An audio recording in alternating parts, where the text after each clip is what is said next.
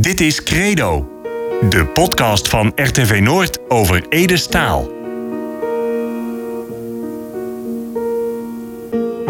Op 22 juli 1986 overleed Ede Staal. De troubadour Wilma Vadenvader Joor. Nog steeds is hij een ongekend fenomeen. Zijn versjes, zijn verhalen raakt ons grunnigers in ons hart, in onze ziel. Elk het wel zijn eigen verhaal, bij Ede als zijn latjes. In Credo, de podcast over Ede, komt mensen naar het woord over hemzelf, over zijn muziek en over zijn leven. Overleven vadenvattig. De allerlaatste, met Fieke, de weduwe van Ede. Fieke Spoel was de vrouw van Ede en moe van zes zeuns deze som kreeg met de zanger. In de laatste en vadenvattigste overleven, zo oud als de troubadour worden is, blikken we met haar terug op een bijzonder, maar te keurd leven met Ede. We deden dat bij Jurinoes in Bierum aan de Grote Tovel, samen met de zeuns Jelgen en Jasper, die we paar nooit kend hebben. Nou ja, eh, ik ben er echt wel nieuwsgierig naar van, van hoe jij dan Ede, van, ik weet het ook niet meer, van hoe jij Ede dan hebt leren kennen. Ja, moet ik even heel goed over nadenken. Ehm, ik werkte in de buurt van Amsterdam en ik had een vriendin die woonde in Hooghalen. En dan ging ik mee met haar het weekend naar huis. En toen gingen we dansen in Assen. En zo is het gekomen. Ja, want we hebben eerder een podcast opgenomen en daar, Ede lag daar in militaire dienst in de kazerne. Nee hoor, ik toen? studeerde in Groningen Engels. Was nog gewoon student. Maar hoe kwam die dan in Assen terecht? Ja, met vrienden gingen ze gewoon daar ook ja, een soort discotheek gingen ze toe. Ja. En ik weigerde hem eerst, want ik, eh, ik was natuurlijk heel erg stadsmeisje. Ook om te zien. En, de vloog, en ik vond het toch een beetje, ja, nou beledig ik misschien weer mensen. Ik vond een beetje boerenjongens die op me afstormden. Ik had bedankt. En toen kwam één uiteindelijk. En eh, ik zei nee, dankjewel. Toen zei hij, verdomd onbeleefd van je. Nou ja, en toen dacht ik, nou ik ga maar met hem dansen.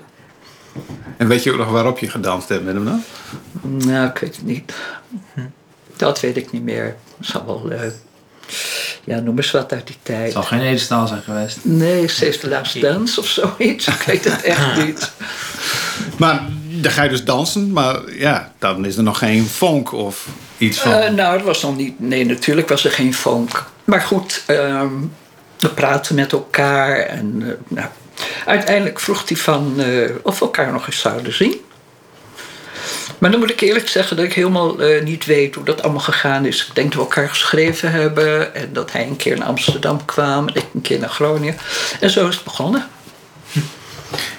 En op een gegeven moment gaan jullie dan, hebben- jullie verkering, neem ik dan? Ja, we kregen verkering natuurlijk. Ja, maar, Maar dat was wel een beetje op afstand. Ja.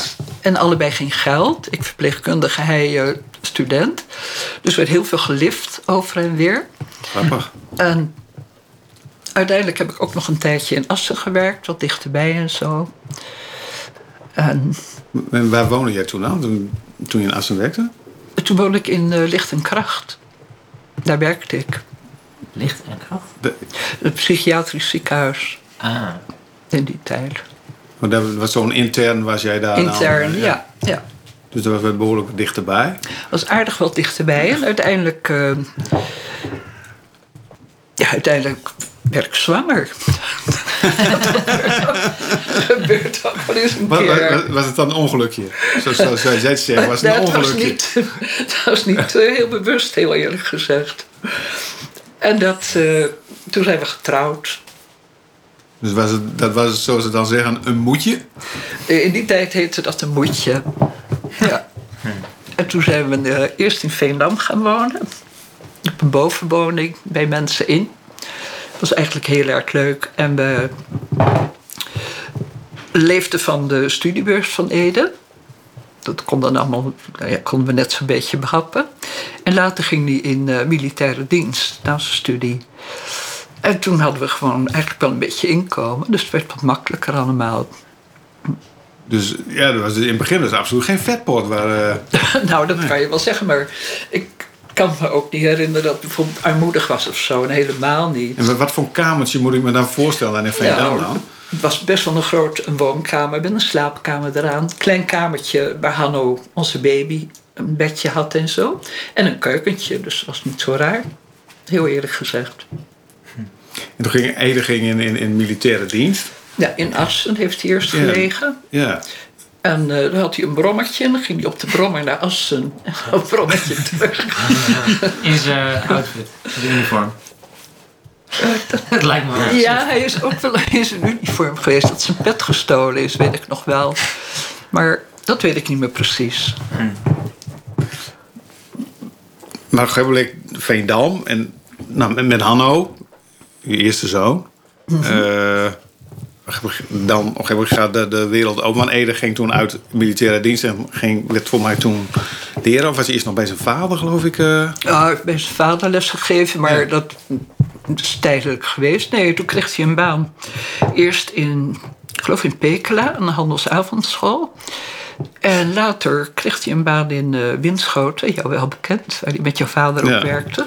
De ambachtschool LTS. De ambachtsschool Ja. LTS. En toen, we hebben eerst nog gewoond in Leens, een boerderij. En toen werkte hij in, eh in Pekela. En later zijn we naar Kibbelgaren verhuisd. En toen had hij die baan in Winschoten. En toen gingen jullie weer verhuizen richting Oost-Groningen eh, dan. Eh, toen zijn we naar, mijn god, Westerlee hebben gewoond. Daar zijn en, eh, of uh, Jeroen en Martijn geboren. Jou ook wel bekend, vrienden.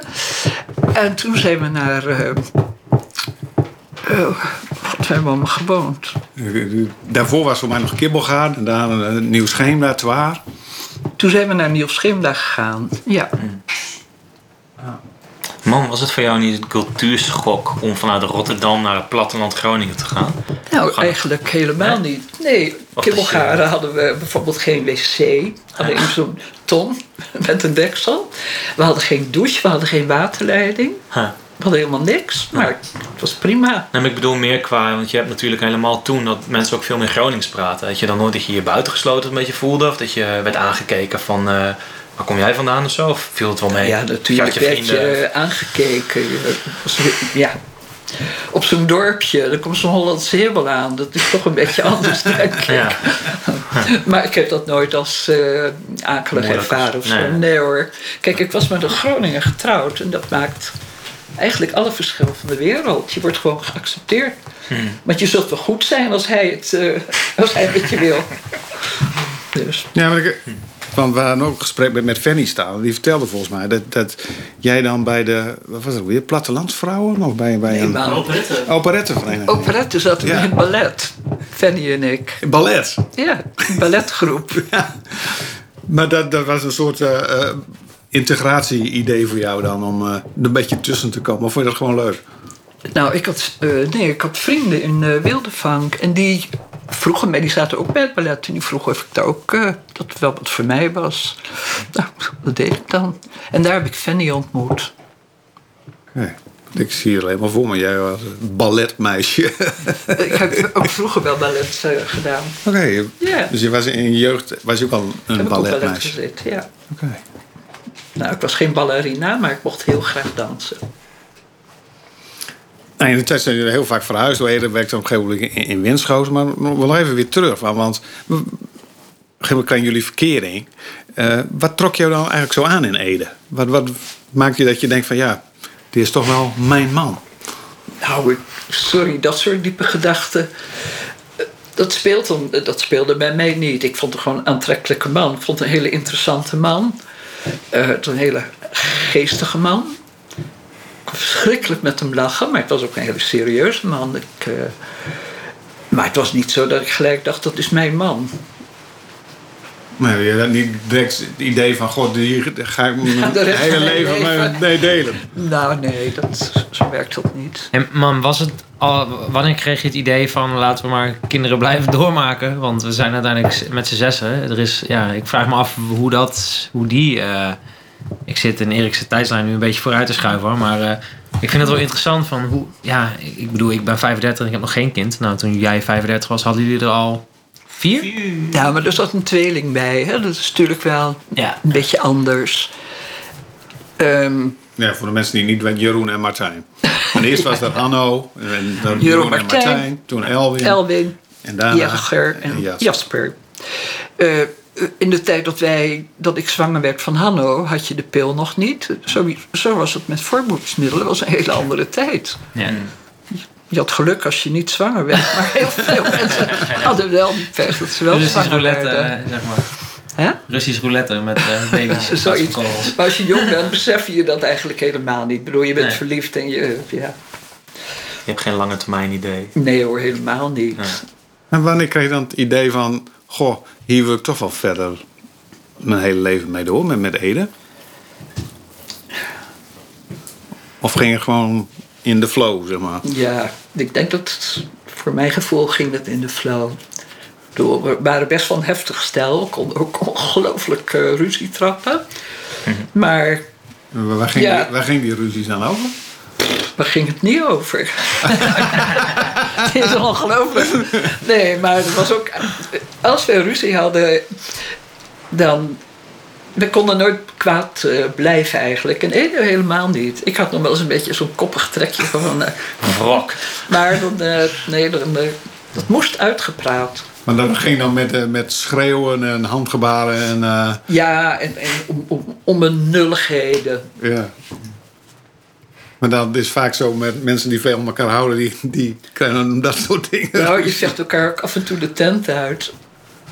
Waren jullie ook aan elkaar gewaagd dan? Qua, eh, nou ja, qua discussie en... eh, Jawel, we waren wel denk ik aan elkaar gewaagd. Vandaar ook vaak dat we het met elkaar oneens waren. Ik was in die tijd heel erg eh, anti-leger. Ik was PSP'er. En Ede ging het leger in. Dus dat was best wel een beetje was wel moeilijk. En we leefden ook in een vriendenkring. Maar ook allemaal mensen die eh, diezelfde ideeën hadden natuurlijk. En ik was denk ik een beetje meeloper. En hij was veel onafhankelijker. Hij verzette zich veel meer tegen dat. Ik ging dus gewoon in dienst. Ja. Maar was dat niet verplicht in die tijd dan ook? Of? was verplicht, maar je kon wel eh, dienst weigeren. Ja. Of een S5. eh, ja, dan ben je gek verklaard, zeg maar. een beetje gek. Ja. Maar jij was dan zo van de pacifistische kant. Ja. En Ede ging dan, die was dat niet, die dacht van, nou ja, ik ga gewoon het leger in. ja, nou, of die zo dacht van ik ga gewoon het leger in. Dat- Hij had er niet, principieel niet zoveel op tegen eigenlijk. En dat hebben, daar hebben wij wel vaak ook een beetje ruzie over gehad. En uiteindelijk kon hij, eh, dat was na zijn diensttijd, toen hij al echt als leraar werkte, kon hij een baan in Den Helder krijgen bij de marine als leraar. In het een of ander. En ik wilde daar eigenlijk best graag heen, want de familie komt er voor een deel vandaan. Maar ja, ik vond het vreselijk dat hij bij de marine ging werken. Dus toen heeft hij het niet gedaan, moet ik wel zeggen. Dus Ondanks dat mijn vader een mari- marineman was, een hele lieve, maar nee. nee. Dus dan heb jij hem overgehaald om het Ja, niet te doen. niet te doen. Terwijl hij wilde het eigenlijk ook best wel, maar hij heeft het toen niet gedaan. Ehm, nou, we waren zo straks een beetje qua verhuizing in Nieuw-Scheemda eh, gebleven. Ehm, ja, daar is ook een, een ja, tragisch gebeurtenis. Een ongeval met, met Hanno, de oudste zoon. Ja, heeft Hanno een ongeluk gekregen. Ja. Was bijna zes jaar. Met dus eigenlijk hele vreselijke gevolgen. Hij leeft nog zijn leven in een eh, instelling. En eigenlijk gaat het goed met hem. Hij, eh, hij is niet verdrietig of wat dan ook. Maar ja. Ja, want hij was aan het spelen en was volgens mij... Nee, hij liep met een. Het was een beetje een koude dag in januari. En hij liep met onze buurman en nog een paar boeren in het dorp. Had hij eerst in het café had hij chocolademelk gedronken. En die mensen gingen ergens, die liepen daar over die weg. En die, die moesten iets. En Hanno liep mee. En wij woonden daar ook pas. Ik zag hem langslopen. Ik wilde hem nog binnenroepen om even wat te drinken. Maar hij huppelde en hij was vrolijk. En ik zag hem daar gaan. En even daarna kwam onze buurjongen aanrennen. En die... eh, en toen wist ik ook gewoon dat er is iets helemaal mis. En dat was het ook. Hij werd aangereden door een auto. aangereden, Ja. ja. Net met zijn kleine kopje in de spiegel van een Volkswagen gelopen. En, eh, nee, dat is natuurlijk... Ja, nou ja, erger kan je me niet voorstellen. Maar, maar hoe gingen jullie daar dan... Uiteindelijk, hoe hebben jullie dat verwerkt? Hoe, Ja, kan je ja, dat überhaupt eigenlijk heel eerlijk gezegd, dat verwerk je niet. Nee.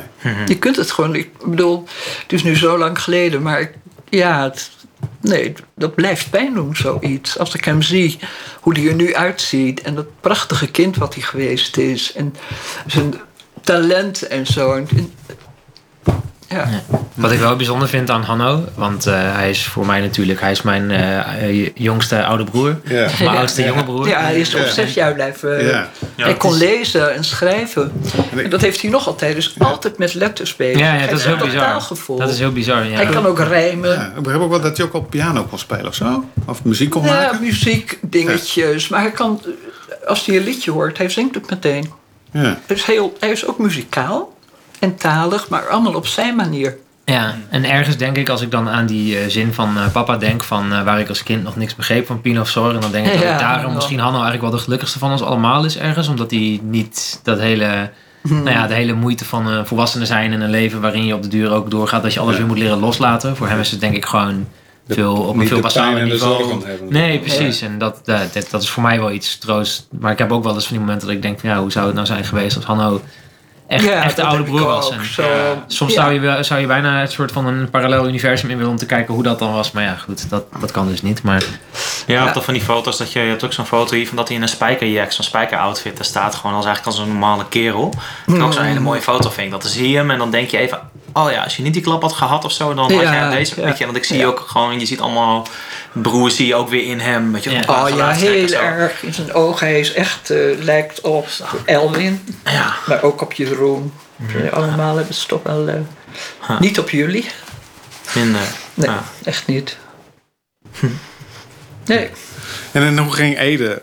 eh, zijn het iets hetzelfde voor wat jij ook nu, eh, nou ja, zoals jij het verwoordt? En dat, gewoon dat, dat- Nou, je merkt Erik dat je, dat je in zoiets, dat je allebei op je eigen manier je verdriet verwerkt. En een man is echt anders dan een vrouw. Ik bedoel, eh,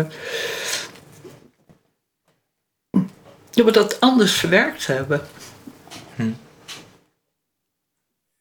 Ik kan het niet concreet aangeven, maar Nee, maar ik begrijp wel een beetje wat je bedoelt. Ja, het is, dat- ja, dat is... eh, misschien meer dan ga ik ook even vis hoor. Maar mannen van die generatie zoals ik ze mee heb gemaakt in mijn leven, merk ik dat over emoties vaak minder gepraat wordt. En misschien dat, dus dit is pure hypothetisch, hè, maar misschien dat de muziek dan meer een uitlaatklep was voor de diepere emoties die er speelden. Oh, of was nee. hij ook wel iemand die er heel erg over kon Nou, praten? eh, uit zijn emoties wel, natuurlijk. Maar je merkt gewoon ja, dat, je, dat je daar anders in bent. Hmm. En dat hoor je van heel veel mensen, mannen en vrouwen, die samen zoiets meemaken. Dat je allebei toch, je, je verwerking is anders. Hmm. Ja. Maar het een is niet beter dan het ander. hoor. Dat Nee, nee, dat ik snap ik. Nee, dat snap ik. Nee, dan moet je wel accepteren, denk ik, ook van elkaar. Dat dat anders is. Dat je elkaar niet altijd kan vinden op een moment dat iemand heel Ja, emotioneel dat je is. Dat dat je dat per se van een ander kan vragen. En er gebeurt dan om je heen ook nog een heleboel. Ik bedoel, we hadden vrienden in eh Westerlee. Die hadden daar een kruidenierswinkel. Die een kindje stikte in een druif. Och, Die man twee jaar daarna overleden. waren ook nog jonge mensen. Dus allemaal in die tijd ook dat Hanno dat ongeluk had... gebeurde dat ook. Dus ook andere mensen maakten verschrikkelijke dingen mee. Wij waren Ja. niet de enige natuurlijk. Ja. nee. Ik denk wel als een wat lastige tijd ook om in een, nou ja, om als je een relatie met elkaar hebt. Waren Martijn en Jeroen toen al geboren? Of? Ja, die waren tegen de twee jaar. Ja. Ja. Ja. Dat lijkt me wel apart. Denk je dat dat veel ehm, heeft geholpen? Net als, eh, misschien een beetje een raar bruggetje, maar net als dat Jelger en ik net geboren waren toen papa overleden was. Dat je Ja. eigenlijk ook al. Martijn en Jeroen had toen dat gebeurde. Kijk, als jullie er niet geweest waren, nou dan had ik gedacht van zoek het maar lekker uit. Maar als je 's morgens wakker wordt en er ligt zo'n eh, in een wiegje zo'n kleine kraai en er is een, pu- een eh, peutertje in huis. Je hebt geen tijd om eigenlijk aan jezelf toe, echt aan jezelf toe te komen. Ja. Zelfs nu nog niet, hè? Zelfs nu vreten we hier nog de koelkast leeg. Mama, wat eten we vanavond? Ja, ik zei van dat ze komen hier gewoon voor de honger, van de honger naartoe, die twee jongen. Ze zijn nog niet binnen of er wordt gekokkereld. Beste kaasselecties uh, staan al klaar. Ja. Ja. Precies, eindelijk een keer iets anders dan Albert Heijn huismerk. Maar ja, dat is natuurlijk bij, bij, eh, bij je ouders en huis. Er is altijd alles in je koelkast. Ja. Even open doen. De ik- dat er een oorlog uit zal Nou. breken of zo. Ik heb hier in, mijn, in een half jaar in mijn eentje een pak stroopwafels opgegeten. Dus volgens mij komen we hier ook wel eh, wat dingen opmaken die niet opgegeten worden. Dus, eh, Nee, ik weet ook heel veel niet op. Dat is, maar nu zijn ze er even niet. Maar wanneer begon Ede dan met de muziek? Want nou ja, in het begin jaren 70 gaat hij voor mij. eh, eh, staat hij een beetje in Engelse muziek en zo. Hoe, hoe begon hij daarmee dan? Ja, gewoon te pielen op die piano en een beetje muziek te maken. Kijk, hij is altijd met dat een beetje bezig geweest. Of gedichten schrijven. Het was altijd zoiets met... Ja, Taal. en met taal. Hij heeft wat Engels gemaakt. En ineens ging hij Groningen muziek maken. Maar Maar, vraag me niet precies wanneer en Nee. eh, hoe dat... eh, Maar, Maar misschien, eh, de, die, die piano, was die er altijd al of zo? Toen je net met elkaar ging? Of kwam die, hoe kwam die aan die piano? Dat, was, dat is natuurlijk wel een soort van... Nou, we hadden eerst de oude piano van zijn thuis. En die is toen ingestort. Dan kon hij op school kon die deze piano kopen. En toen hebben we deze gekregen. Ah ja. gekocht. En het scholen is echt wel bijvoorbeeld in Winschoten of zo. Nee, het was in Woldendorp. In Wonder, daar Ja. is. En die piano, die hebben... eh, ja, die is er nog. Maar die staat waarschijnlijk nog op Hildersum. Ja, klopt. Die staat daar. Die staat er nog. Ik moet er achteraan. Maar ja, kijk, wij kunnen hem eigenlijk niet hebben. En Elwie wil hem graag. Maar, maar was het dan ook zo dat, eh, dat, eh, dat papa dan ook eh, gewoon in zijn vrije tijd een beetje zong? Ik bedoel, want ja, als, wij neuren en wij maken altijd muziek een beetje zo onderbewust, weet je. Of je zit te drummen en daar had hij dan ook bijvoorbeeld dat hij hij dat zat te neurien of dat niet per se. Of dat je op een gegeven moment opeens merkte van, huh, hij is aan het zingen. Weet je er ook wel eens gek van, zeg maar? Nee? Nee, dat. Nee hoor. Nee, maar hij, eh, hij studeerde ook echt. Hij was echt, die studeerde heel graag. Hij heeft nog rechten gedaan. Nou ja, zo'n propenduizend, maar verder is hij niet gegaan. Eh, Chinees studeerde die met iemand, een sinoloog uit Leiden, die hem een beetje begeleidde. Hij was, hield van studeren. En ja, die muziek, dat deed hij er een beetje, een beetje bij. En zo, dat vond hij leuk, ontspannen, denk ik. Maar, maar nee, ik kwam ook, ook altijd bij jullie thuis. Maar eigenlijk als, eh, als, als babytje lag ik al bij Jeroen en Martijn in de wieg. Volgens mij bij jullie thuis. Maar wat mij altijd opgevallen is in al die loopjaren dat ik bij jullie kwam... dat er, ja, het was altijd een zoete inval. Er waren altijd mensen... eh, eh, nou ja, ik noem bijvoorbeeld meneer Oei, eh, Ah, collega van waar we ook altijd tante Greta, de, de schoonmaakster. Ja, oh, maar, gast. ja, allemaal, maar, maar toch allemaal mensen waar een beetje een, nou ja, hoe moet ik het zeggen, een, randje, ja, apart. Een Maar we hadden ook wel gewone vrienden hoor. Zonder randje. Ja, ja. ja Maar wat, wat was dat dan, dat, dat jullie dat soort mensen omarmden? Eigenlijk, wat, wat, Dat waren zelf ook mensen met een randje misschien. ja, misschien waren wij ook mensen met een randje. Ik weet het niet. maar nou ja, in, in de loop van de, de, de podcast die we allemaal hebben opgenomen, komt ook wel voor dat, dat Ede ook van bijvoorbeeld op het school in Woldendorp was een jongen die kon niet goed meekomen, maar die, nou ja, die, die, die nam die onder zijn hoede en die Ja, was ja. een beetje was een sociaal, nou ja, een sociaal mens, Ede. Heel erg sociaal. Maar zelfs had hij dat nooit zo genoemd. Altijd nou, een beetje asociaal en zo. Maar eigenlijk was hij heel sociaal. Maar jij zegt dat had hij zelf niet zo genoemd. Nee, hij wilde nooit zo erg zo. Nee, helemaal niet iemand die daar prat op ging of wat Nee. dan ook. Maar hij was wel sociaal. Dat was voor hem eigenlijk gewoon. Eigenlijk was het gewoon. Ja. Ja. Nog even weer terug naar die muziek. Ja. Want, ja, daar Ja. gaat het om. Dat begrijp ik wel. nou ja, daar gaat het niet om. Maar eh, dat is wel een wezenlijk ding in, het, in jullie leven ook, denk ik. Want ja, ik kan me ook nog herinneren, de, de, de- jullie platenkast die puilde uit van, van, van platen. Van allerlei soorten, maten en verschillende... Nou ja, vooral Ede hield eigenlijk van allerlei muziek. Zoals van Johan en Henk tot weet ik weet niet, André Hazes. Hij hield van alles. Kon Ja. alles zijn. Smartlappen.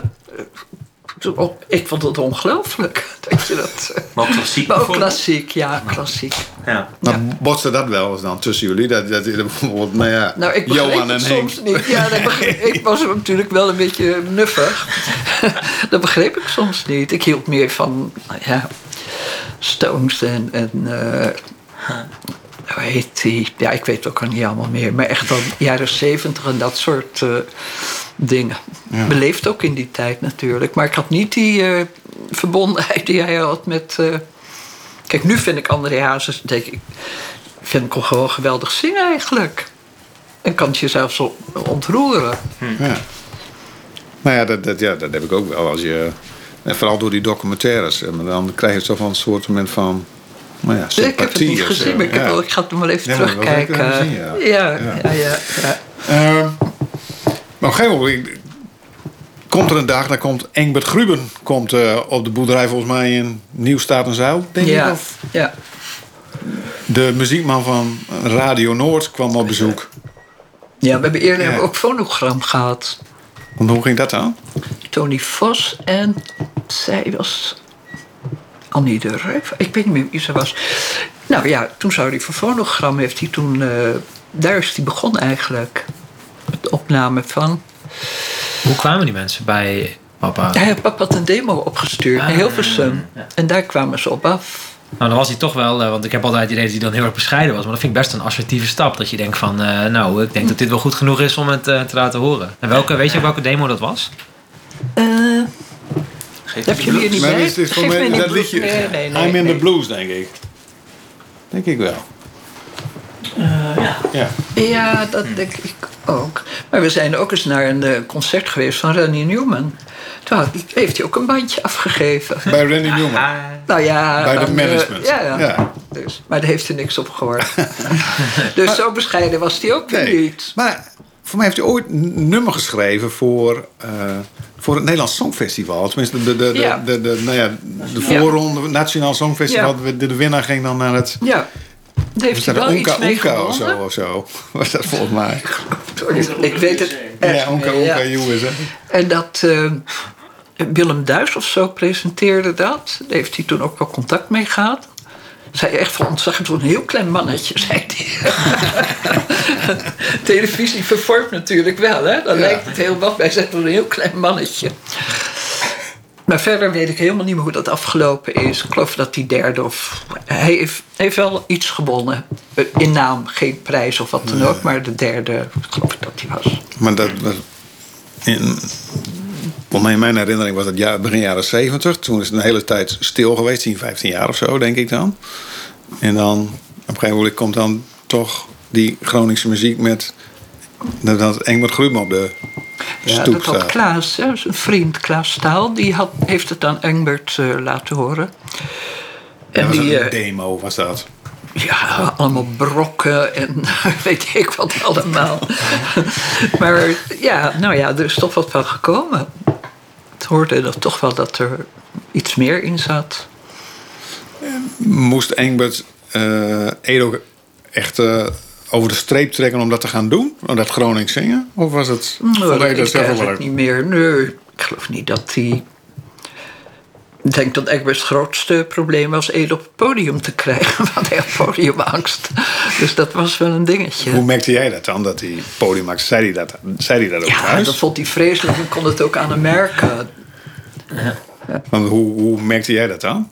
Ja, dat hij gewoon nerveus was. Dat hij het naar vond. Jij hebt dat ook, Jasper. Ja, ik ook. Jij ook. Zo, ja. Ja, Tien keer naar de wc. Ik, eh, kan ik me hier nog tegen verdedigen? Of? Nee. Meerderheid heeft beslist. Ja. Ja. Nou ja, zeker, in, zeker toen ik net begon met DJ bijvoorbeeld. De eerste 20, 30 keer was echt verschrikkelijk. Dan stond ik ook alleen maar naar de draaitafels te kijken. Want dan dacht ik, ja, als ik niet zie dat, er, dat iedereen zoiets heeft van... dit is dit voor gesnuiten, dan is het ook niet zo. Het mooie is dat ik heb het dus nog allemaal gefilmd, want ik stond er allemaal bij te Ja, kijken. super, dus dat jij mooi. daar in een soort stuip en licht een documentaire maken. De ontmonstering van Jasper. Maar, maar dat vind ik ook, dan mag je ook nu zeg maar de, de, de, de, open, ja, het van, het van de kokon naar het vlindermoment. Inmiddels Ah, ja, als ik achter, ik, heb Ja. nu genoeg gedraaid, nu vind ik het niet meer zo eng. Maar als ik nou bijvoorbeeld een rap of zo zou moeten voordragen, zou ik nog steeds wel een beetje eng vinden. Dan zou ik denk ik ook mijn klokje even op de piano zetten en even zeg maar, een beetje zenuwachtig grapje maken om iedereen te laten merken. Ja, dat je er toch een beetje. Je bent heel kwetsbaar als je muziek maakt voor een groep mensen die dat niet doet. Maar ja, sowieso. Ik vind spreken in het openbaar. Vind, ik- ik vind het verschrikkelijk. En door die toestanden moest het natuurlijk wel eens een keer opdraven.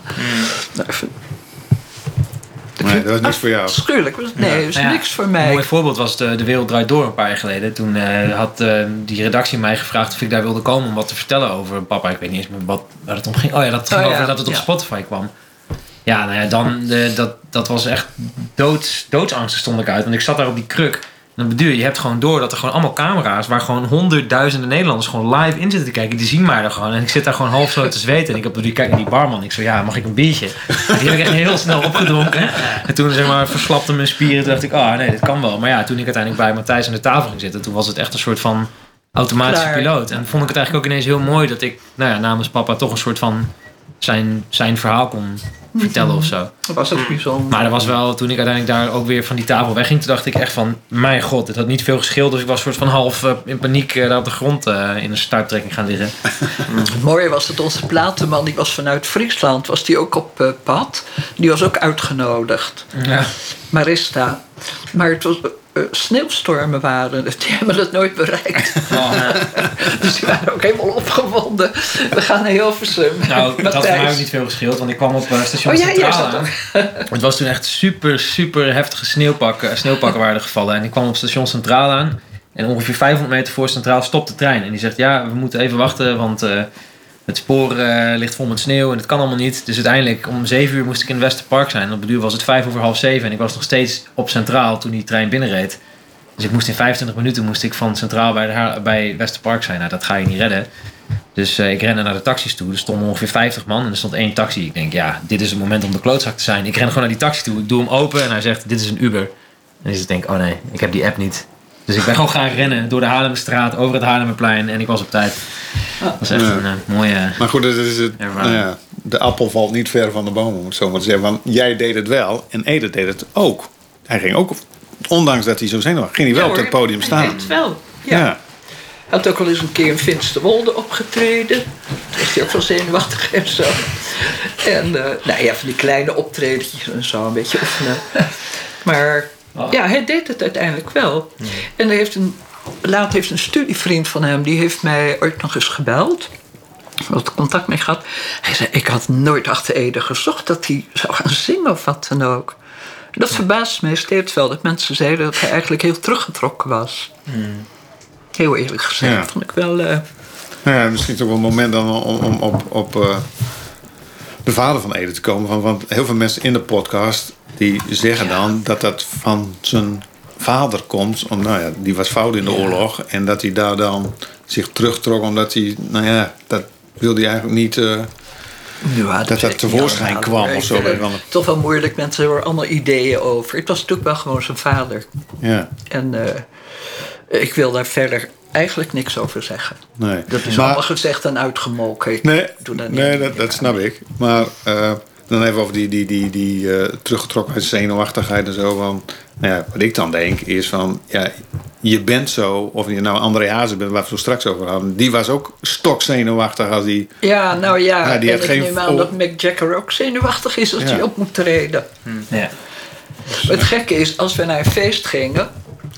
dan eh, van tevoren zeiden we, nou, we gaan om eh, half twaalf naar huis. Nou, wie er om half twaalf naar huis gingen, nooit wij, hè? Vier uur, vijf uur. Vroeger ging je heel lang door natuurlijk. Maar, Nou, eh, niet alleen vroeger hoor. nee, maar dat was wel heel grappig. Dat hij altijd van tevoren zoiets had, dan gaan we naar huis. Nou, Ja. Misschien zei hij dat een beetje om zichzelf, een soort van wishful thinking. Dat hij dacht, als ik het nu uitspreek, wordt het ook zo. Maar Maar het leuke, hij, ondanks zijn teruggetrokkenheid... was hij op een feest echt altijd het middelpunt. Grap, eh, gek doen. Ja, want we hadden ook een eh, interview met een, een- voor de podcast met Andrea van Wieningen. Ja, ja. Jullie vroegere buurvrouw in Ja, de Nieuwste ja, ja. Zeil. En dan gingen jullie ook op verjaardagsfeest of, of, met en dan, dan pakt hij dan de, de, de accordeon volgens mij. Ja, en dan ja, ja, ja, speelde ja, die, ja. ging die gewoon iedereen bij de rij belangs en dan zong die over mensen die daarin in, de op het feestje zaten. Ja. Ik voor, ja, zonder accordeon. Ja, ik weet dat helemaal niet meer. Ik moet zeggen, ik heb een heel slecht geheugen. In tegenstelling tot heel veel mensen. En soms vind ik het heel fijn dat ik een slecht geheugen heb. Soms ook niet. Er zijn wel dingen dat ik denk van... ik wou dat ik me dat nog helemaal goed kon herinneren. Maar het is het leven nou eenmaal. ja, tenzij je eh, Jasper bent en je hebt jouw grootbroer, want die onthoudt alles. Dus ik hoef niks te Hij onthouden. onthoudt alles. Dat is echt bizar. vreselijk. Dus je moet je aan jou vragen, de uitslag van een voetbalwedstrijd in 2001 en weet je precies. eh, Uh-uh. Het is wel zo. ja. Gaat ze straks wel even over, over eh, eh, de verhuizingen waar jullie allemaal gewoond hebben. Van waar we eh Kibbelgaan, Westerlee, eh Nieuwsgeen, Waar. gegeven moment Nieuw Statenzeil, eh Nieuw Beerta, uiteindelijk Farmsum. Waarom gingen jullie eigenlijk zo vaak verhuizen? Nou, daar heb ik wel over nagedacht. Ehm, sowieso stonden er altijd hele mooie huizen waar je voor heel weinig in kon. Van hoe, hoe, hoe regelden jullie dat dan? Maar gewoon met vrienden en, en hulp en boerenkar. Maar bijvoorbeeld, nee, neem bijvoorbeeld de, de, nou ja, de, de boerderij die op- ook op de LP staat. Ja. Van, van eh, eh, Nieuw nee. Beerta. Ja, Nieuw Beerta. Van hoe kwamen jullie daar dan? Want dat is een boerderij, is van een boer, denk ik. Ja. En We hoe hebben kwamen die boer gevraagd dus die, eh, dat ding stond leeg of dat te huur was. Ik weet niet waarom we daar naartoe wilden, dat weet ik niet. We wonen in Nieuw-Statenzeil. Dit is het berechtje, ons geit. En eh, dat hebben we toen, we konden we huren, maar daar zat de schuur vol met ratten, ontdekten we.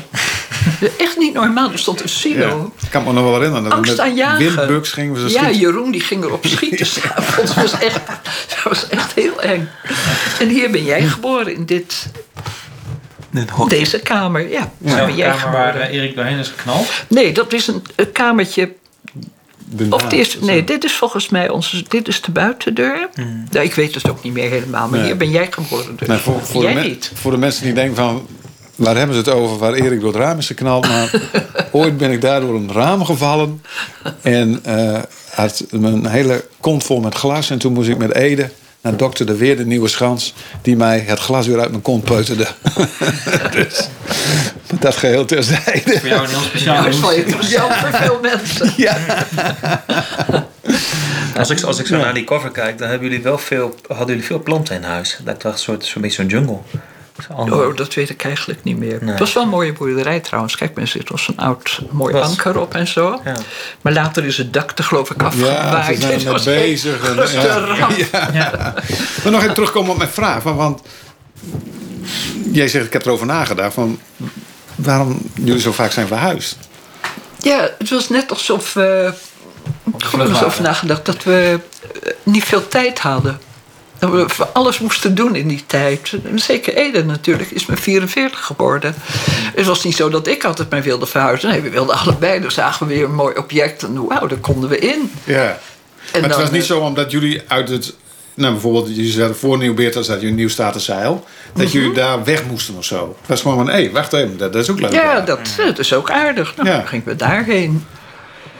En ik was niet zo'n poetser. Het was ook voor mij altijd fijn. Dan gingen we het allemaal weer lekker schoonverven. En dan begonnen we weer opnieuw. Maar voor veel mensen is eh, verhuizen een heel ingrijpende gebeurtenis. Of tenminste, Nou. ja, met alle poeha die eromheen komt en zo. Maar jullie zijn er gewoon heel makkelijk over. We zijn, we zijn wel verhuisd met de kachel nog een beetje brandend op een boerenkar. nee, ik heb er... Ik vond dat nooit een probleem eigenlijk. Ik moet er nu niet aan denken Nee. om weer te verhuizen. Dit is toch Van jullie wonen nu in Bierum. Van hoe lang wonen jullie hier nu? U nu? 25 jaar, Kijk, 26 dat is toch jaar. een an- andere, Dus, ja. andere koek. Maar ja, dit is ook gewoon wat ik fijn vind met het land. En eh, ja.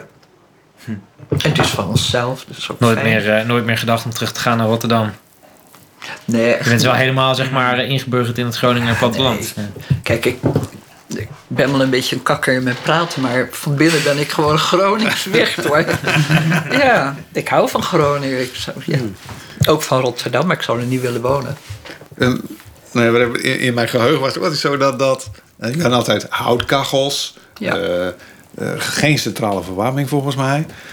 Eh, Ja, niet bewust, maar dat Nee, zat er gewoon dat zat er niet gewoon niet in. Maar Nee. jullie kwamen ook niet op idee Het van... zat er ook niet aan. Nee. In die zin van, dat was te duur om te doen. Ja, we huurden die huizen gewoon, die boerderijen. Soms hoefden we geen huur te betalen. Nou ja, ga je ook niet zitten zeuren. Kunnen we verwarming krijgen misschien? Of Nou, waterleiding. wat in principe toch wel nou ja, een beetje primitief was of zo. ja, behoorlijk. dat- ja, maar dat vond je ook wel fijn eigenlijk. Ik heb nooit als eh, onaangenaam ervaren. Echt niet gedacht, nou halen we maar een kraan. Nee. Nee, echt niet. Ik kan me nog wel herinneren dat, dat, dat je dan een boerderij naar de wc ging en het was winter. Nou, het was net niet. je is bijna bevroren. Zo koud was het. Ik begin wel steeds beter te begrijpen waarom wij vroeger altijd gingen kamperen, zeg maar. Het is toch weer een beetje terug naar, de, nou ja, naar dezelfde situatie. Het klinkt eigenlijk een beetje alsof je gewoon kampeert in een huis. Ja, ik denk dat je het zo ook wel eh, kunt zien. Nou, je verft het dan weer. We vonden het nou, leuk, gezellig. En dan, Ja. Wat jullie ook altijd hadden, waren eh eenden, CQ Dianus. In, van, van- ik heb het nu over auto's. Amibrek, En mijn break. Eh, saap. ja, maar, maar het waren ook vaak eh, oude auto's. Uh-uh. Ja, er, er was, er was altijd wel iets mee op een of andere manier. Ehm, ja, maar toch was er wel, ook wel liefde voor auto's op een of andere manier, proefde ik altijd. Klopt dat? Nou ja, ik niet. Nee, maar Ede wel. Ja, ik had wel. eh, ja. ik vond dat wel eh, leuk. Maar we hebben dus ook een mooie Ci- Citroën gehad. Hè? Die, die s'morgens per ongeluk in de sloot is gegleden. Oh, Een hele mooie, glanzende rode. dat was een, was dat een, een een, eh, nee, een snoekenbek. Snoek. Oh, nee. Ja, een- ja, Te DS. belaten nog een van de leerlingen van zijn school gekocht. Een witte. En toen zijn we mee naar Frankrijk gegaan. Dat is echt van garage naar garage. Was van alles weer aan de hand met die auto. Maar Ede was vergeten de handrem erop te zetten of zo, eh, waardoor hij in de sloot belandde. Nee, het was glad. Het was glad en daar is hij toen mee de sloot mee ingeglibberd. En die auto was gelijk eh, een beetje totaal los. Een beetje totaal los. Ja. Hij was in ieder geval weg. Ja. Mm, maar, n- nou ja, ondanks die primitief was het ook altijd eh, ja, heel gezellig op een of andere manier. Er was altijd, nou, of de kachel branden of wat dan ook, wat mensen er waren over de vloer. Of, er was altijd Ja. een soort vorm van gezelligheid. Ervaar je dat zelf ook dan zo als dat gezelligheid? Of was het ook Ik geloof gewoon dat, kijk, zo? wij vonden dat gewoon. Je doet dat niet zo bewust. Als mensen bij je zijn en je gaat eten, vraag je, wil je mee eten? Want we hebben altijd wel een aardappeltje over of eh, weet ik wat, dus nooit zo'n probleem. Maar dat hebben we ons hele leven gehad eigenlijk. Ja, en plus als je allemaal mensen over de vloer hebt en je hebt geen kachel, dan heb je wel allemaal eh, 37,8 Celsius rondwandelen. Dan krijg je het huis ook een beetje warm natuurlijk. Dat is ook weer heel economisch. Nou, zo erg was het ook niet. Maar ja, er kon altijd wel veel bij ons. De kinderen Ja. spelen en dat kon hier ook. Je Ja. mocht Nou ja, dat iedereen komen. Dat is wel grappig inderdaad, want dat hebben wij natuurlijk ook. Ik weet niet hoe dat voor jou was, maar voor ons hier opgroeiend op de boerderij, ja, op de duur. Ik vond het best wel lastig, want we zijn verhuisd vanuit Holwierde, waar al mijn vriendjes woonden, naar Bierum. En dat was wel vijf kilometer fietsen, maar hier kon gewoon alles. Hier kwamen ze ook gewoon hoor. Dat maakt niet uit waar je woont. Ja. Heel eerlijk gezegd. Ja, waar je dan bij andere vriendjes had je dan heel erg dat je moest je een afspraak maken, moesten ouders gevraagd worden. Ja, natuurlijk moesten we jou ook wel eens vragen, maar over het algemeen was het je nam iemand mee en dan, eh, dan kwam het wel goed. We vroegen het wel, maar je wist toch wel dat je ja kreeg meestal. Zo kan, kan Pieter hier logeren. Ja, ja, ja. Ja, ja tuurlijk. En, maar soms ook heel leuk. Met Ja, ja. kinderen die dat ook nog als heel... nu nog heel dierbaar ervaren. Klopt. Dat dat gewoon allemaal kon. Ja, Ja. dan, Maar hoe ervaar jij dat dan, Erik? Want dat vind ik ook wel interessant, want jij hebt natuurlijk eigenlijk ehm, meer eh, met mijn vader meegemaakt dan ik en Jouger. En ook dat is gewoon best wel bizar eigenlijk. Ja. Ja, dat is echt wel bizar, ja. Ja. Ja, nou, ik- net wat ik zelf zei, die, die, die gezelligheid. Maar de, dat, ja, ondanks dat er geen verwarming was en dat het soms eh, ijskoud was in de, in de gang van de boerderij of op de wc. Maar nu ik zeg het, was altijd gezellig. Het was altijd was een, een, een, ja, een, een gemoedelijke, gezellige sfeer. En, en ja, altijd met elkaar eten aan tafel. En, en ja, het was altijd een, een, een sfeer van, van ja, dan, je voelde je wel thuis. zeg maar. dat, dat, dat gevoel. Dat je die denkt warmte van, compenseerde voor de kou. ja, ja, nou ja, die warmte. Ja, dat was ja, Nou, een ja, soort van warmte. een Ja. kachel en zo. Het is niet dat we helemaal eh, zaten af nou, ik moest van de week moest ik denken. Dus iets heel anders. Dat we weer eens op zoek gingen met, eh, naar een huisje. En ergens bij Siddeburen hadden we een klein boerderijtje gespot. En eh nou, Ede erop af, korte broek en klompen aan. Nou, wat, wat had hij? Lang haar en een, snor. ja. Gevoel. Eh, nou, is een eend, of wat we dan voor wrak hadden. En die eh, nou, ging naar die mensen toe. Was een ouder echtpaar. En nou, op zijn Gronings, ik kan het niet doen natuurlijk. Niet, dat is wel een beetje jammer. En of dat huisje te huur was misschien. Nou, wel hè, wie ben je? Wie is je vader? Wie is je moeder? En uiteindelijk, eh, wat doe je voor de kost? Nou, zei Erik, ik ben eh, schoolmeester. En die mensen die barsten me daarin lachen uit. Zeiden, of ze riep haar, nee, ze riep haar man. Erik, moest eens komen. Die man, moet je raden wat die man doet? nou, ja, wat doet die man? Die man is schoolmeester. Die mensen deed het in een boek van de lach. Omdat hij er zo uitzag. Met een klomp in zijn korte broek. Hij is ook eens op klompen naar de technische school gegaan. Ik weet niet wie er toen directeur was, maar die heeft het vermaandend toegesproken. Dat kan ik me echt herinneren. Hij was ook een beetje verontwaardigd. Het was, ik geloof, vakantie.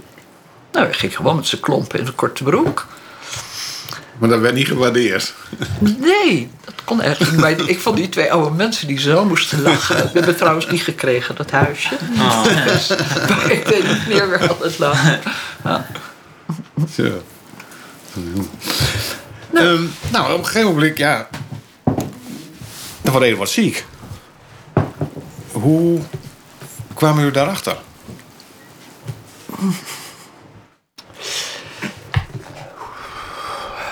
Ja, hij. eh,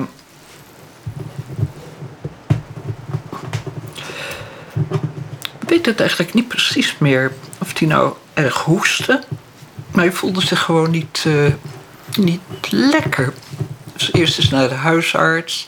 Toen toch maar een foto maken. En daar ontdekten ze dat hij een vlek op de long had. En achteraf bleek dat hij als kind dat hij ook iets heeft gehad met zijn longen. Maar eh, ja, uiteindelijk bleek gewoon dat er een. eh, het was eerst een vlekje, maar dat bleek toch best groot te zijn. En toen bleek dat er een tumor zat. Dus ze zouden eerst een heel klein stukje van zijn long zou er weggaan. Uiteindelijk is zijn hele long weggenomen. Dus dat was wel. eh Welk jaar was dit? Je- was in 84. Ja, dat is echt wel... Nee, 85. Dat was dat de eerste keer dat ze dat überhaupt ontdekten. Ja. Nou ja, in november was dat al begonnen. Ja. En in januari, 7 januari, verjaardag van Martijn en Jeroen, is die geopereerd. Maar toen ik geboren ben in, eh, in september 84, toen eh, was hij nog niet, had hij nog niet die diagnose Ja, gekregen. maar toen zag hij wel slecht uit. Als Ja, je de ja, ja. foto's bekijkt, dan zie je dat hij er heel slecht uitziet. Ja, Ja. ja. Maar ja, dat moet een rollercoaster geweest zijn. Want, want nou ja, Jelger en, en, en ja, later dan Jasper, die kwam dan in die tijd ook nog. ja, Erik, weet je, eh, je leeft gewoon. En er gebeuren gewoon dingen in je leven. En je kunt niet zeggen, ik hou vandaag op met leven. Leven gaat gewoon door. Op de een of andere manier, met alle verdriet van dien. Maar het is nooit zo geweest dat we daar zaten te simmen en te doen. Je probeerde nog maar van alles. Naar een of andere arts weet ik waar. En, en ja, Nou ja, goed, dus, eh, nou ja, geboorte en, en, en dood ligt een, ligt heel, dicht bij elkaar. heel dicht bij Ja. elkaar. Eh, op een gegeven moment, eh, nou ja, dat was dit stuk la- lang werd weggehaald. Nou ja, toen was hij dan, kon hij weer door. Maar later werd hij dan, nou ja, was het weer uitgezaaid. Ja, En ziek. En uiteindelijk had hij in de alvleesklier. En nou, dat is zo'n slechte prognose. Dat, toen wisten we ook wel, dit duurt, eh, dit duurt niet lang. En dat klopt ook helemaal. Ja. En ja, nadat hij over, overleden was, had je weer al, al, al, nou ja, weer een enorme klap, zeg maar. Eh, ja, bij de jongen Jelger en Jasper, die waren natuurlijk, jij zegt van, ik, ik, ja, ik moet wel gewoon door. Ja. Maar, heb je dat Ja, dan... en groot Jelger, of eh, Jeroen en Martijn waren er ook. En Elwin. Eh, Elwin was een puber, 14 jaar. Nou, Ja. die hebben je gewoon nodig. Dat kan je niet eh, doen van, eh, ik ben even niet thuis. Ik denk wat ik zelf wel bijzonder vind aan mijn eerste herinneringen. Ook toen we in Delfzijl, in de boerderij waar ik geboren ben, Farmsmeweg, toen ik daar ehm, jong was. Ik heb zulke fijne herinneringen aan mijn jeugd. Ik heb ook eigenlijk nooit heel erg gemerkt dat er een soort van een verdriet was of zo. Er was altijd die gezelligheid waar jij het net over had, Erik. Dat is ook wat ik me kan herinneren. Dan met name bijvoorbeeld een van mijn mooiste jeugdherinneringen is 1993, oud en nieuw. Toen mijn oudere broer Martijn, mag ik dit zeggen? Anders moet je het er maar uitknippen. Maar die werkte bij de politie. En, en die had drie vuilniszakken in beslag genomen, illegaal vuurwerk meegenomen. maar dit is al, dit is al verjaard. Dit is al verjaard, dus dat Ja, kan wel. vreselijk. Geseponeerd. Ah, dat weet ik nog, toen was ik, was ik ook. Ik was zes of zo, zeven. En we, wij waren, er waren allemaal mensen in het huis. Was gewoon, oh mijn god. En iedereen buiten. En al, overal vlogen de bierdopje nog net niet om de oren. En het was feest. En het was gewoon... Echt Oh, 50, man. 50 mensen in huis of zo. Of meer Ja. misschien nog. En voor mij is het nog steeds een beetje de soort van gold standard van eh, gezelligheid geworden. Ja. Die avond is voor mij, dat is echt... eh, Vergetelijk. een Ik eh, zit me nog plaatsvervanger te schamen. Het is vuurwerk voor die helemaal niet van vuurwerk. Ja, maar nou, nou schiet me toch wel een moment. eh, nou ja, je hebt ook oude nieuw. Van, volgens mij de oude nieuw nadat Ede was overleden. Bij, bij, bij jullie thuis. Want Jeroen en we zeiden toen, nou, kom maar bij mij thuis. Van moeder, een oude nieuw. Nou, papa net overleden, dus eh, zo en zo. En toen was het al na twaalf of zo, of voor twaalf, dat weet ik niet eens meer. Maar eh, eh, nou ja, ik liep door de boerderij, was naar de wc geweest of zo. En ik deed, ik denk, nou, ik deed een deur op en dan zat jij alleen, kan ik me nog herinneren. En toen dacht ik van, oh, wacht even, deze, dit moet ik even zachtjes de deur weer dicht doen. me helemaal niet alleen- Nee, maar dat, in één keer door dat... dat, dat, dat, Ik ging ook als ik dat moest huilen, ging ik in de Ja. badkamer boven zitten huilen. Maar dan kwam Ja. je beneden en keken ze je allemaal zo aan. Dus kinderen wisten heus wel dat je af en toe Ja, dat je niet zo lekker in je vel zat. Maar nou ja, ja. dat hoef je ook niet eh, continu uit te dragen. Nee, dat is ook zo. En je mag ook best van elkaar weten dat je verdriet hebt. Kijk, ik besef natuurlijk ook dat mijn kinderen... Kijk, zij waren nog te klein, maar Jeroen en Martijn en Elwin... die hadden ook verdriet. Ik bedoel, ik was niet de enige eigenlijk, hè? Nee. En dan doe je dingen. Elwin moest naar een kanokamp. Die werd er helemaal gek. ja.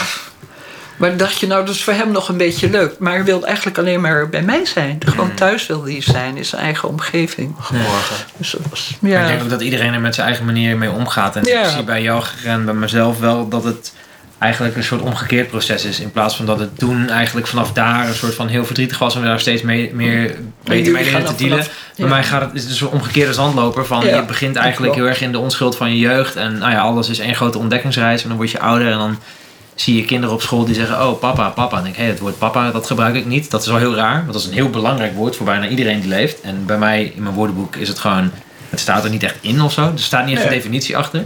Inmiddels kan ik het gewoon volmondig zeggen. Als ik papa zeg, dan heb ik het over Ede. En dan voelt dat ook alsof dat zo is. Maar Nou, dat is ook wel mooi eigenlijk. ja, Mm. ja. Papa is dus echt Ede. Ja, en dat ik ook op zo'n maffe manier ga je dus steeds meer houden van een man die eigenlijk ehm, waar je zelf op lijkt en ook in gedrag en waar je broers ook op lijken in gedrag. En nou ja, dat is ook eh, de reden dat ik, eh, ik heb Erik ook vaak bedankt voor deze podcast en Wolf trouwens ook indirect.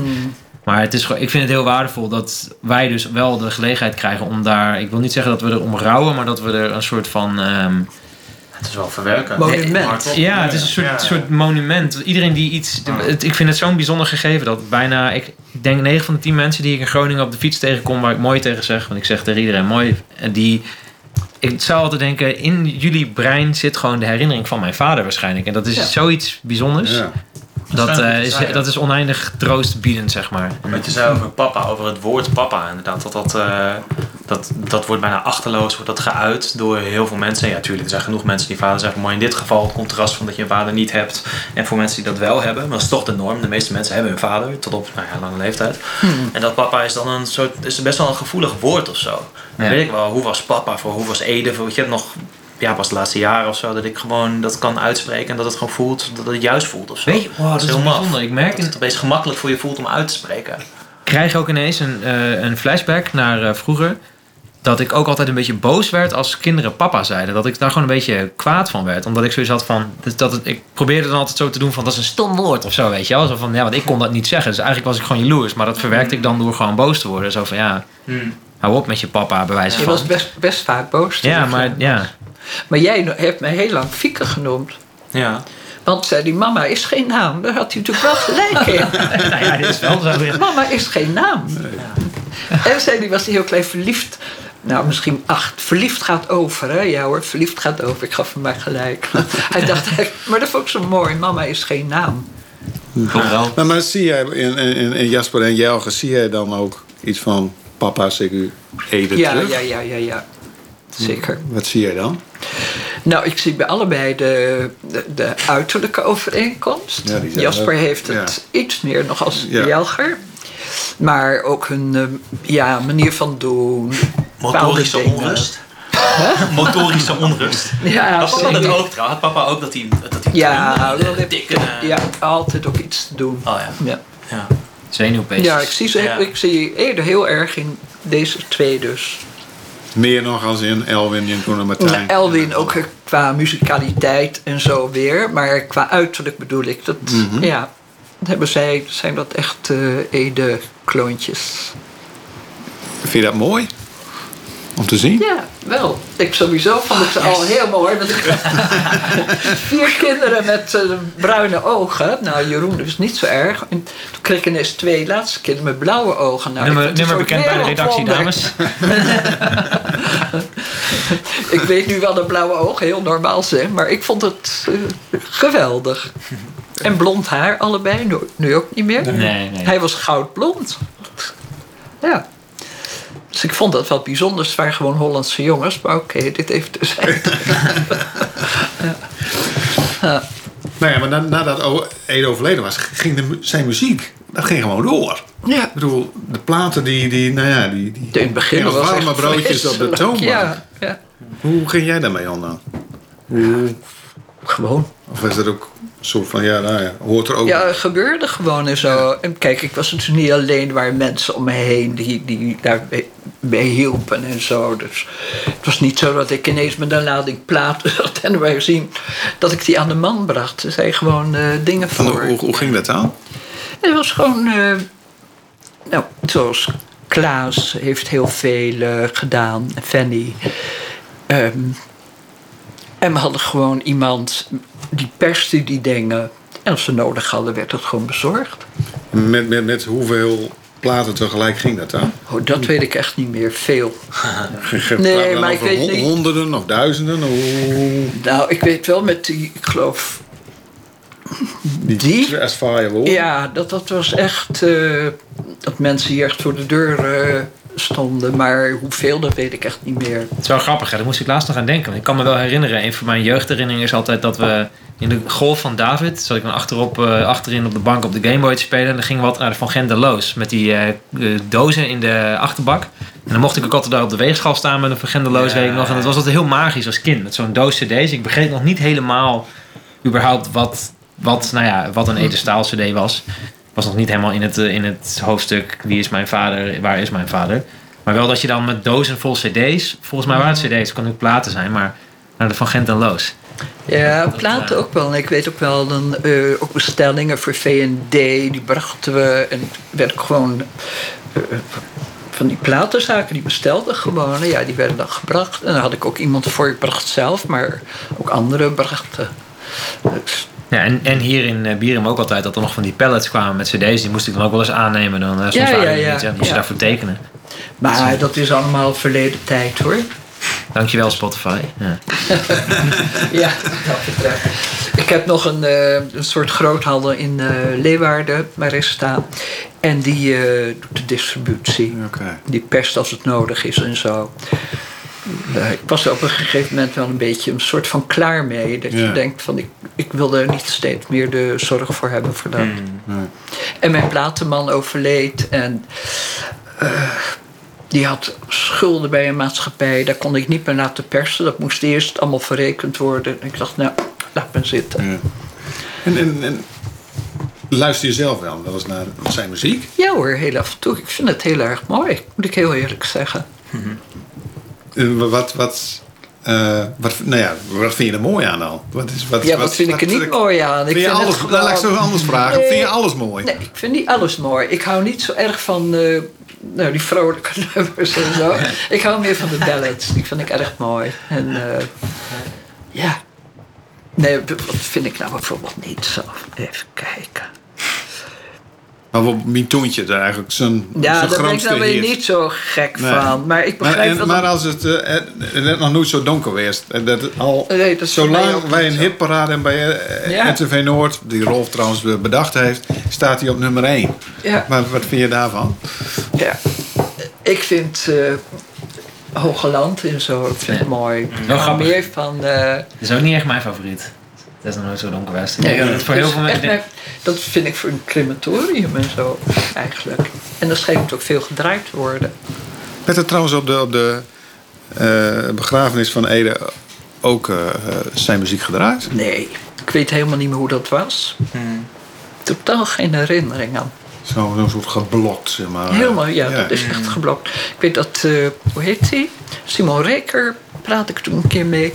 En zei, die zei toen dat er waren heel weinig mensen op de begrafenis. Ik zei, nou, slijm maar dood, ik weet er niets meer van.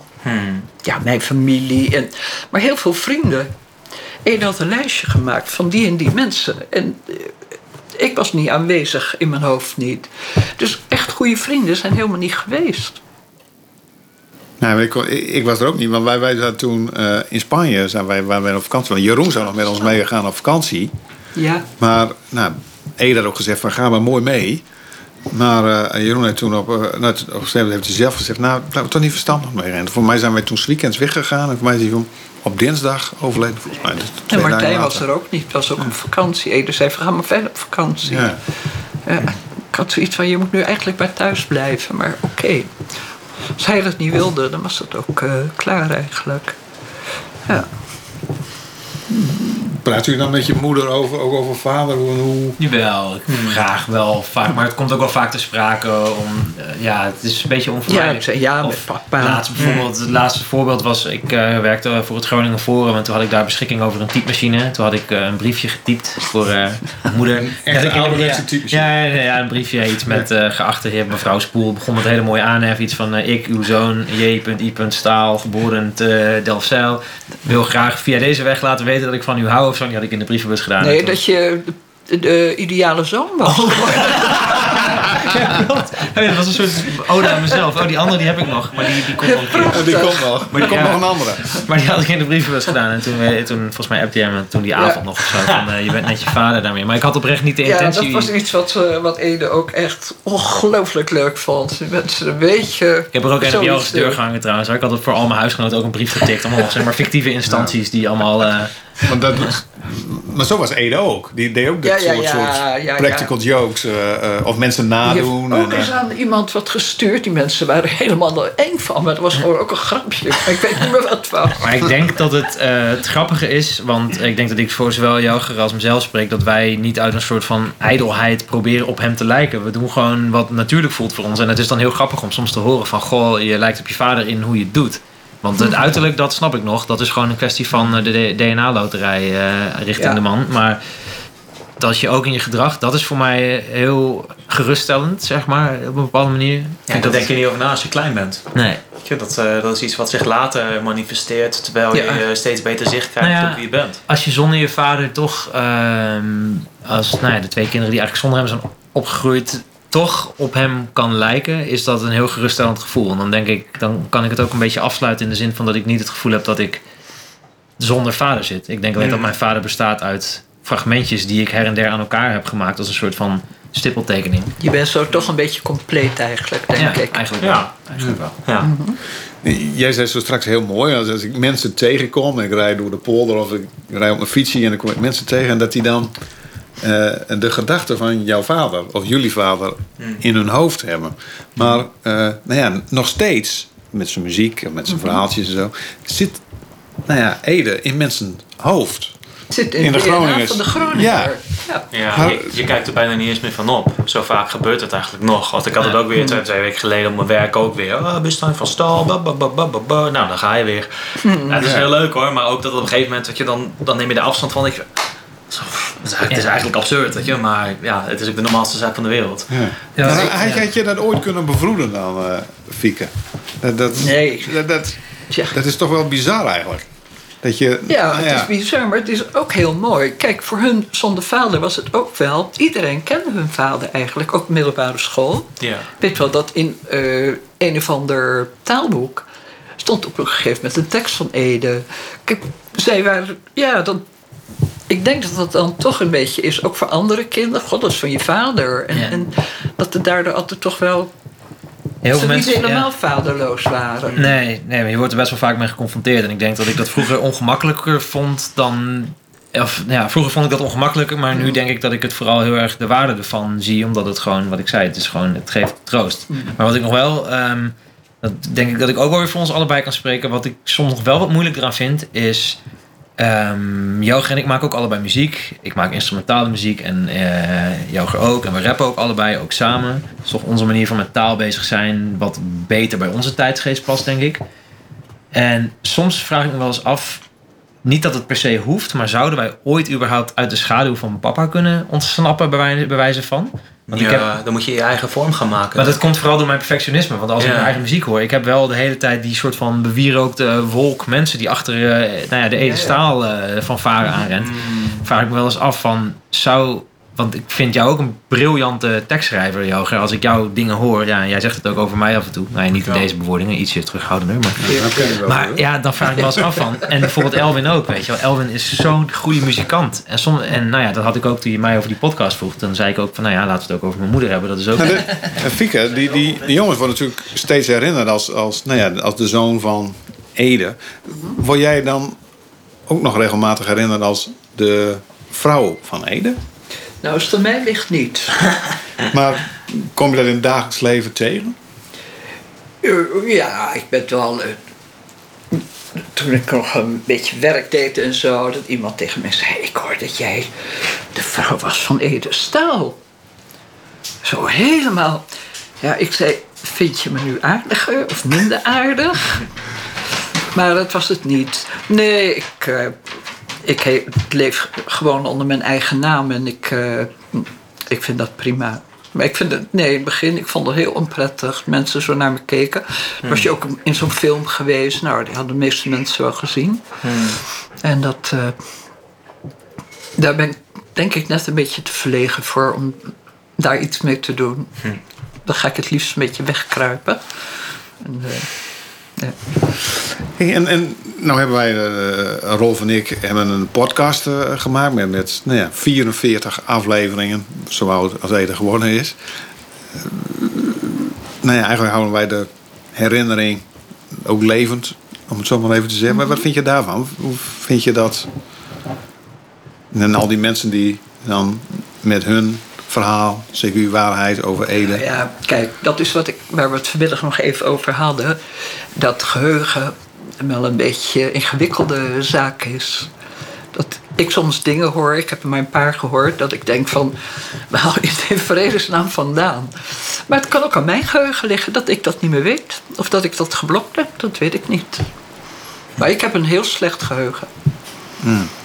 Maar, maar nou, zoals J- Jelger en Jasper, die vinden dit natuurlijk heel mooi. Omdat ze, nou ja, min of meer een tweede kans krijgen om hun vader te leren kennen. Maar hoe sta jij hierin dan? Want, Mhm. Nou ja, ik zit hier omdat eh, Jasper mij vroeg, mama wil jij... eh, Een eh, emotionele chantage toegepast. Ja, ik ben gechanteerd. Toen heb ik hem geappt van, eh, nou, om- voor jullie wil ik het wel doen. Maar omdat ik zelf, dat heb ik je al honderd keer gezegd, Erik eh, wil zeggen. ik heb heel weinig toe te voegen. Ja. En heel veel mensen hebben zo'n prachtige herinnering. Daar kan ik, daar kan ik helemaal niet aan tippen. Echt niet. Nou, gelukkig is eh, de waarde van iets soms subjectief. En eh, Ja, Ja, jij bent daar niet de, de meester over wat de waarde voor een ander is. Natuurlijk niet. En dat, dat wil ik ook helemaal niet. Nee. Heel eerlijk gezegd. Dus. Mi- Mis je Ede trouwens ook wel eens? Na al die jaren? Eh, ja, en Ede is ook helemaal niet uit ons leven. Ook voor Joop, mijn huidige man niet. Het is gewoon... Ja, is er altijd toch een beetje bij op de een of andere manier. Ik kan... Kijk, wij zijn niet gescheiden of wat dan ook. Hij is gestorven. En dat gevoel... Met een scheiding kan je gevoel kan helemaal onderuit gehaald worden. En dat is bij mij natuurlijk helemaal niet gebeurd. Nee. Het gevoel is er nog steeds. Dat gevoel is er gewoon. En Ja. dat houdt niet in dat je niet van een ander kunt houden, maar dat gevoel is er gewoon.